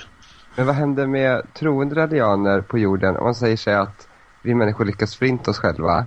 Men de som då är hängivna radianer, finns det något någon backup-plan för dem eller alltså hur tänker ni där? Ja, Elohim säger att de, de i så fall kommer så att säga gå gripa in och eh, ta hand om de människor som de som har gjort, eh, ska man säga, som har gjort mest gott på jorden, som har, som har gjort sitt bästa för att och verka för en positiv utveckling. Och det, det är inte nödvändigtvis att man måste vara raelian utan det eh, det gäller alla så att säga. Men det är väl också så här att ni har någon form av motsvarighet till, eh, eh, till dopet där, där ens DNA eller något liknande kopieras över. Ja, eller ja, precis. Man kan, man, man kan ju bli medlem på två nivåer eller vad man ska säga. Man kan, okay. vara, man kan vara bara, liksom bara sympatisör som de flesta i Nej, eller nej, det är inte de flesta. De, eh, nej, men man kan vara sympatisör, det vill säga man, tycker, man har läst den här boken och så tycker man ja, men det här var intressant, det här vill jag vara med och stödja på något sätt och så betalar man medlemsbidrag typ och berättar det här för alla sina kompisar ungefär. Eh, eller, men, men sen kan man också eh, i, bli, som du säger då, att vi har en form av dop. Eh, och det är först då som vi ser det i, som man blir raelian i Elohims ögon. Eh, och det är ingenting eh, så konstigt eller speciellt. Det, det, här, det, här, det här kan vi göra vid fyra tillfällen då eh, per år. Så det är, det är ofta de här fyra tillfällena så har vi också då någon form av träff. Eh, och det, det man gör är att eh, jag, jag som då är, eh, man kan jämföra då till exempel som i kyrkan så har man präster då, då kan man säga att jag är som präst i, i det här. Och då tar jag bara liksom vatten på min, eh, min hand och sätter det på pannan på en person och eh, det, vi, det vi menar då händer det är att vid de här fyra tillfällena så eh, skannar Elohim av eh, jorden så att säga och, och läser av, aha, den här personen har, eller i princip den här DNA-koden har, har officiellt sagt att den är raelian. Okej. Eh, och det här har ju vi, det, det, finns en vetenskaplig teori för det här också. Det, det är i princip att eh, i och med att varje molekyl har ju som sin egen eh, frekvens eller sitt eget mönster och därmed har vi också som DNA-koden är ju som ett fingeravtryck eller som ger en unik frekvens som det är möjligt att läsa av då. Vi, idag har vi inte tillräckligt fina instrument för att läsa av det här så det blir bara som en som brus egentligen. Men, ja. Men innebär det här att, att det lagras någon typ av eh, säkerhetskopia av ens medvetande hos Elohim? Ja, typ. Det är ja. väl det man kan tänka sig. Alltså det, är, det är inte så att det står så jättemycket detaljerat om det. Men man, man, kan bara tänka sig att de här, de här ligger, de har en teknisk nivå som ligger 25 000 år före oss. Mm. Och det, det är liksom vi kan bara liksom fantisera om vad de har för möjligheter. Mm. Så det, tänk, tänk, själv om man hade levt för, för 2000 år sedan och eh, liksom bara en tv eller mobiltelefon eller internet. Det, mm det var helt obegripligt för dem på den tiden. Men det är en tänkbar fortsättning. Låt oss säga att jag skulle döpa ja. mig och sen så dör jag en vecka senare så, så finns det potentiellt ja. ett sätt för mig att leva vidare via, via ja. då det som är, äh, har blivit äh, överfört då till i den processen. Ja, precis. Precis, och det är väl därifrån då kan man säga att de myterna om det här med en odödlig själ kommer ifrån. Mm. Hur, eh, vad, vad, betyder din övertygelse för dig och på vilket sätt formar den ditt sätt att leva? Alltså, det är, det är svårt att säga för att jag vet ju inte hur jag hade varit om jag inte hade blivit medlem. Nej. Så eh, jag kan ju bara säga att när jag blev medlem så eh, fram tills dess så jag, jag slutade röka då till exempel. Mm. Så jag har, väl, jag har väl börjat leva mer sunt än vad jag hade gjort annars. Eh, och eh, in, innan så var jag, innan jag blev medlem så var jag intresserad av politik och, och var lite mer engagerad i, i Amnesty till exempel och, och brann, brann verkligen för de frågorna och så. Eh, men jag tyckte ändå att det fanns eh, det finns många organisationer som jobbar för bra saker men, men jag tyckte inte att det fanns någon som på något sätt kom till roten av problemet som hade eh, och, det, och, det tyck, eh, och som inte stämde överens heller riktigt med min, min filosofi. Eh, och det, det, tycker jag att eh, jag har hittat här. Mm. Eh, så det, vad ska man säga, det känns som att jag eh, jag är engagerad precis på det sättet jag vill, vill vara om man säger så. Jag tycker att det här för mig är det mest effektiva sättet att och bidra med min lilla, liksom, dra mitt lilla strå till stacken för att, för att, för att få ett, ett, mer, ett bättre samhälle. Mm. Nej, men vi, vi tackar väl där helt enkelt. Det, vi skulle säkert kunna prata mycket mer kring, eh, kring de här sakerna. Men eh, jätteroligt att du ville vara med. Ja, verkligen. Tusen, tusen tack. Tack så mycket. Det var jätteintressant. Ja. Tack. Jag ska försöka svara på lite frågor på er Facebook-sida också om det, om det dyker upp. Det kan säkert så, dyka upp där jag... eller i samband med, vi lägger ju ut det här som ett, ja, det kommer ju som ett slags blogginlägg på vår hemsida där man kan kommentera och så också. Men ha det jättebra Kenny så, ja. så hörs vi av.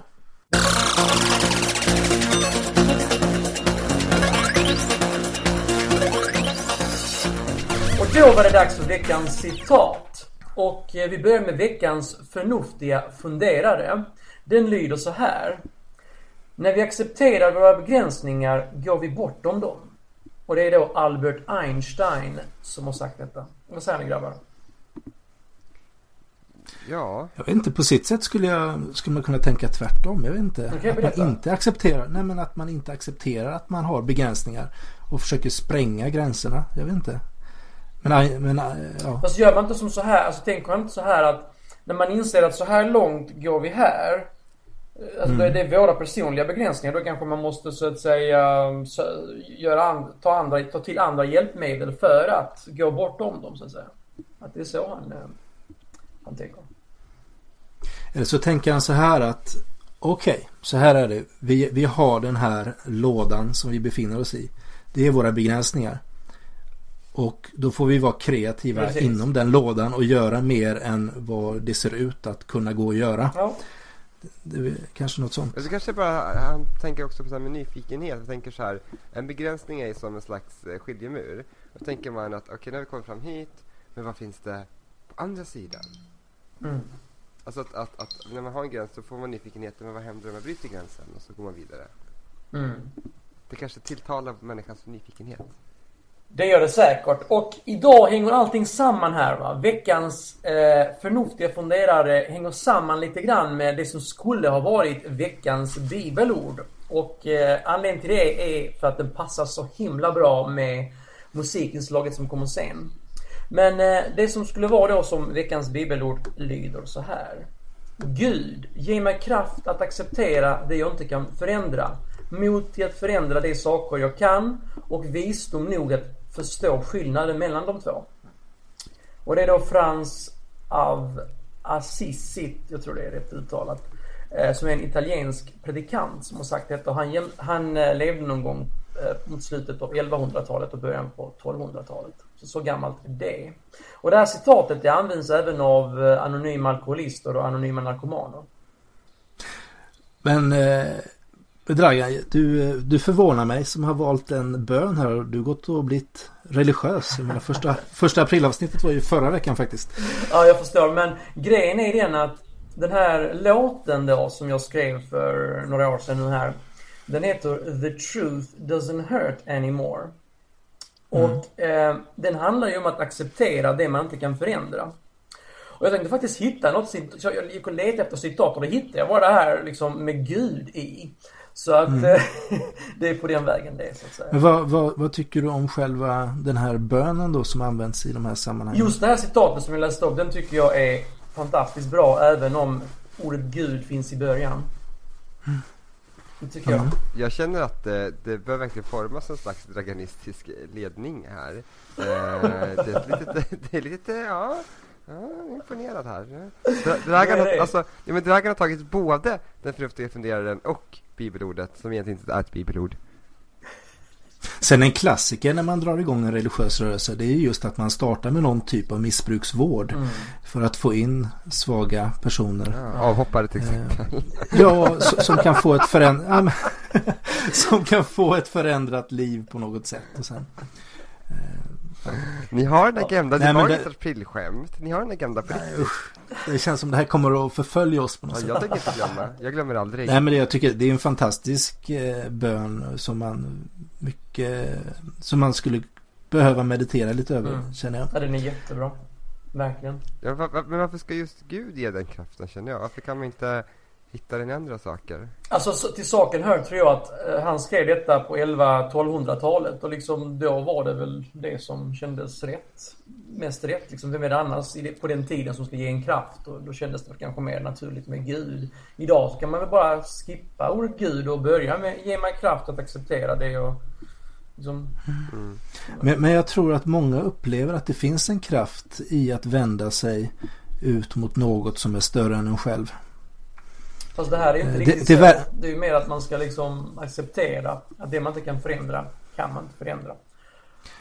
Nej men man ber ju ändå om att man ska få kraft någonstans ifrån. Ja. Och, och många människor upplever ju att de får eh, kraft när de vänder sig mot ja, det vi nu kallar Gud här eller mot något som är större än en själv. Mm.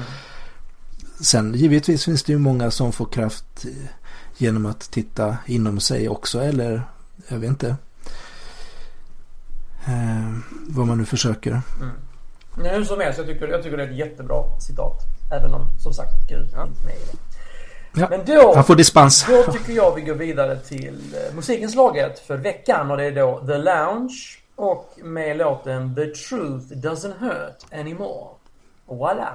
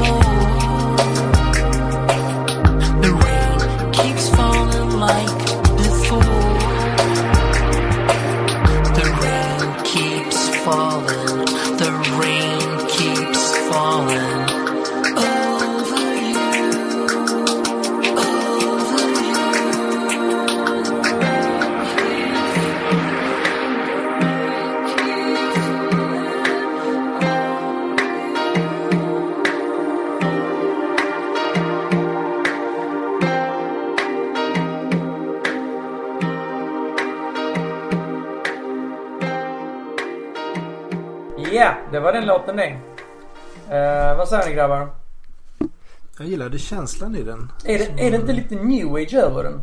Sådär lite. Jag vet inte vad det är men uh, Det var det kanske. Jag, jag, jag, jag bara fick den känslan.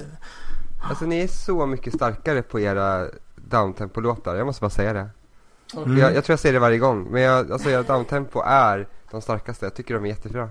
Jag är mycket nöjd, mycket nöjd. Okay. Just den här låten är ju faktiskt den mest down, downtempo som finns generellt. Från ja. The Lounge, kan du veta. Ja, men jag... Ja, men jag, långsammaste. Men jag tycker de är, alltså, de är bra. Det är liksom... Jag tycker det blir en fin känsla och, och din sång passar in fint där också. Så, här, så, så här, ja. Men var det en tjej som sjöng i bakgrunden ja, också eller? det är Mattias tjejkompis som sjunger i bakgrunden. Mm. Okej. Okay. Mm. Ni, har ingen kast, ni har ingen kastratsångare med i gruppen med andra ord? Nej, det har vi Nej. inte. Nej. Så är det. Ja, det är jättebra. Ja grabbar.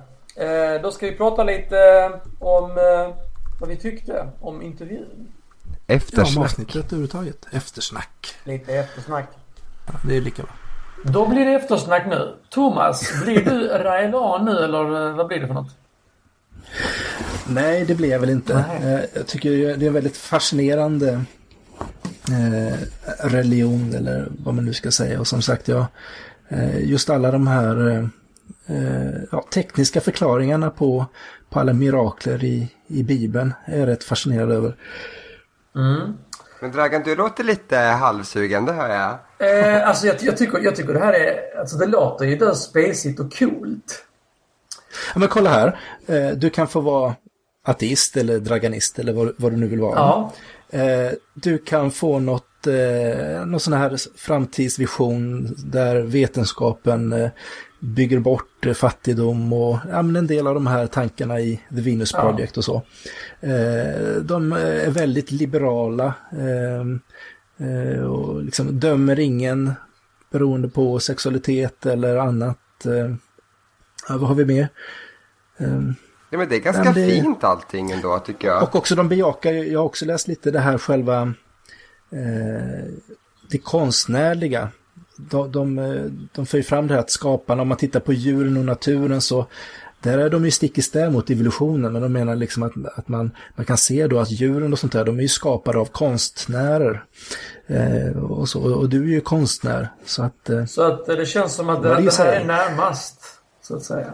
Nej då. Vad tycker du själv? Vad tycker du själv? Eh, jag tycker det här låter, alltså det låter väldigt spacigt och coolt. Eh, fast det jag riktigt inte köper det är det här med att eh, den här Elohim har kommit just till honom och berättat allt det här för honom. Och, och, liksom, och sen så har man berättat det här för alla andra profeterna som har funnits Jesus och Buddha och det där, det där känns lite, jag vet inte. Du kanske håller dig skeptisk fram till 2035? Ja, då, då blir det åka av ska du se.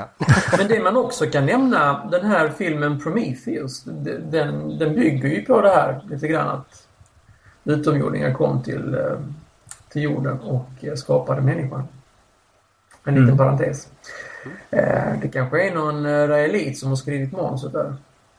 Ja, det, kan, det, det verkar som att det fanns lite tentakler in i artist och mm. världen sådär, tänk, lät det som. De har börjat introducera för den stora massan kanske. Ja, du ser. Fast de var bara 65 000 i världen, läste jag.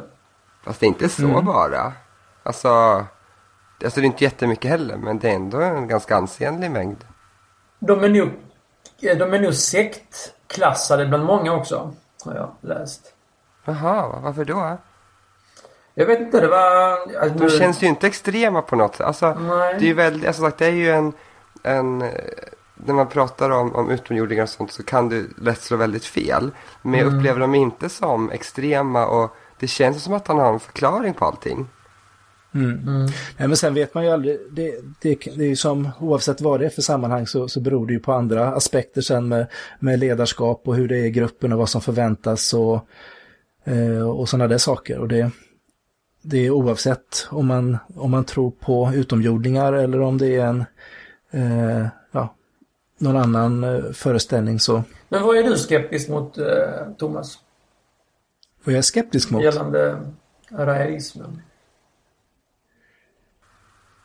Ja. Ja. vad är jag skeptisk mot? Nej men det är väl just det kan jag väl tycka att man, eh, att, man, att det är så många förklaringar Så att det ska passa in liksom på något sätt. Ja, känns det precis. Som, intrycket av. Eh, precis. Och sen... ehm, sen ser jag väl inga tydliga belägg. Alltså när, när det kommer till evolutionsteorin och kontra den här tanken så, så, så anser väl jag att, att det finns bra belägg för att eh, livet har vuxit fram utifrån evolutionen. Jag kan inte se att det skulle vara en bättre förklaringsmodell. Eh, utan, eh, och sen har jag lite svårt för den här tanken också att man att det, det blir ju egentligen bara lager på lager. Eh, det, det, det finns ingen eh, Alltså hur livet har uppkommit. På något sätt svaret här är ju att livet alltid har funnits. Eh, Ja, det är så. inget svar egentligen. Alltså, och, och, och de motiverar det som att det behöver man inte veta heller, vilket också är lite konstigt kanske. Du då Erik, vad är du skeptisk mot? Om du nu är är skeptisk. jag, är, inte- jag är inte skeptisk så, men det enda jag känner är att Alltså någonstans så känner jag att, att man använder, alltså det är samma byggstenar lite grann oavsett vilken religion vi pratar om. Alltså, det ser som att det är olika förklaringsmodeller fast man vill komma till samma grej. Människan ska kunna chilla på jorden, ha det riktigt bra, allting sköter sig självt. Och menar oavsett om du är rallian eller vad det nu är eller vad heter de, Zeitgeist eller Venus Project eller Vittne. Man vill bara chilla på jorden och ha det lite trevligt. Mm. Och någonstans så känner jag, men det är olika modeller för att ta sig dit och det är olika, ex olika extrema frågor och sånt. Men det här kändes ändå väldigt icke-extremt, rent teologiskt. Det är, det är mer att deras modell bygger på att en, en utomjording som var 150 centimeter lång som kom och berättade det här. Och där någonstans så tror jag att det är väldigt lätt att tappa människors fokus. Men Ja. när man nu får inte prata med honom och höra och han får berätta så känner jag att okej, han har sina poänger men det är fortfarande någonting som jag själv aldrig skulle kanske engagera mig djupare i så. Men jag tycker det är väldigt, väldigt intressant. Eh, Vi fick ju in en del frågor eh, till, eh, till programmet vilket var ju jättekul. Men jag, jag missade att ta med Philips fråga som var då att fråga till den raelianska rörelsen de evolutionära spår som finns i människan och sen så har han skickat en länk då. Eh, Men den var lite komplicerad, det är lite svårt att ta den i programmet men jag har skickat den vidare till Kenny. Så eh, kommer jag i så fall att publicera svaret på, eh, på vår hemsida. Tänkte jag. Okej. Nice. Och med det sagt så är det väl kanske dags att avrunda det här avsnittet. Ja, det får vi göra. Ja. Stay tuned until next time next week. Tack för att ni lyssnar Tack. och tack för all feedback som vi har fått från eh, första Och vi aprilavsnittet. ska inte aprilskämta jättekul. igen om sådana saker. Nej. Ever. Nej. Vi ska vara Eller? väldigt, väldigt seriösa framöver. One hit, det var en one hit wonder det där. Ja, jag ska inte hoppa av någonting på ett tag, jag lovar. Nej. Så här vi så. Lyssnare, ha en bra vecka. Hej då. Hej då! Hej då. Du har lyssnat på podcasten Mellan svart och vitt. En podcast som handlar om tro, tvivel, skepticism och humanism. Om du gillar oss så gå gärna in på iTunes och ge oss goda vitsord. Det värmer. Ta gärna kontakt med oss. Vi har Twitterkonto svart vitt för programmet. Och Thomas har Thomas Sjoberg, Dragan har Draganist och Erik har Tant Erik. Gilla oss gärna på Facebook och och eh, vår hemsida hittas på mellansvartovitt.se och där kan man också kommentera de olika avsnitten. Och sist men inte minst så är vår jingel gjord av Dragans band The Lounge.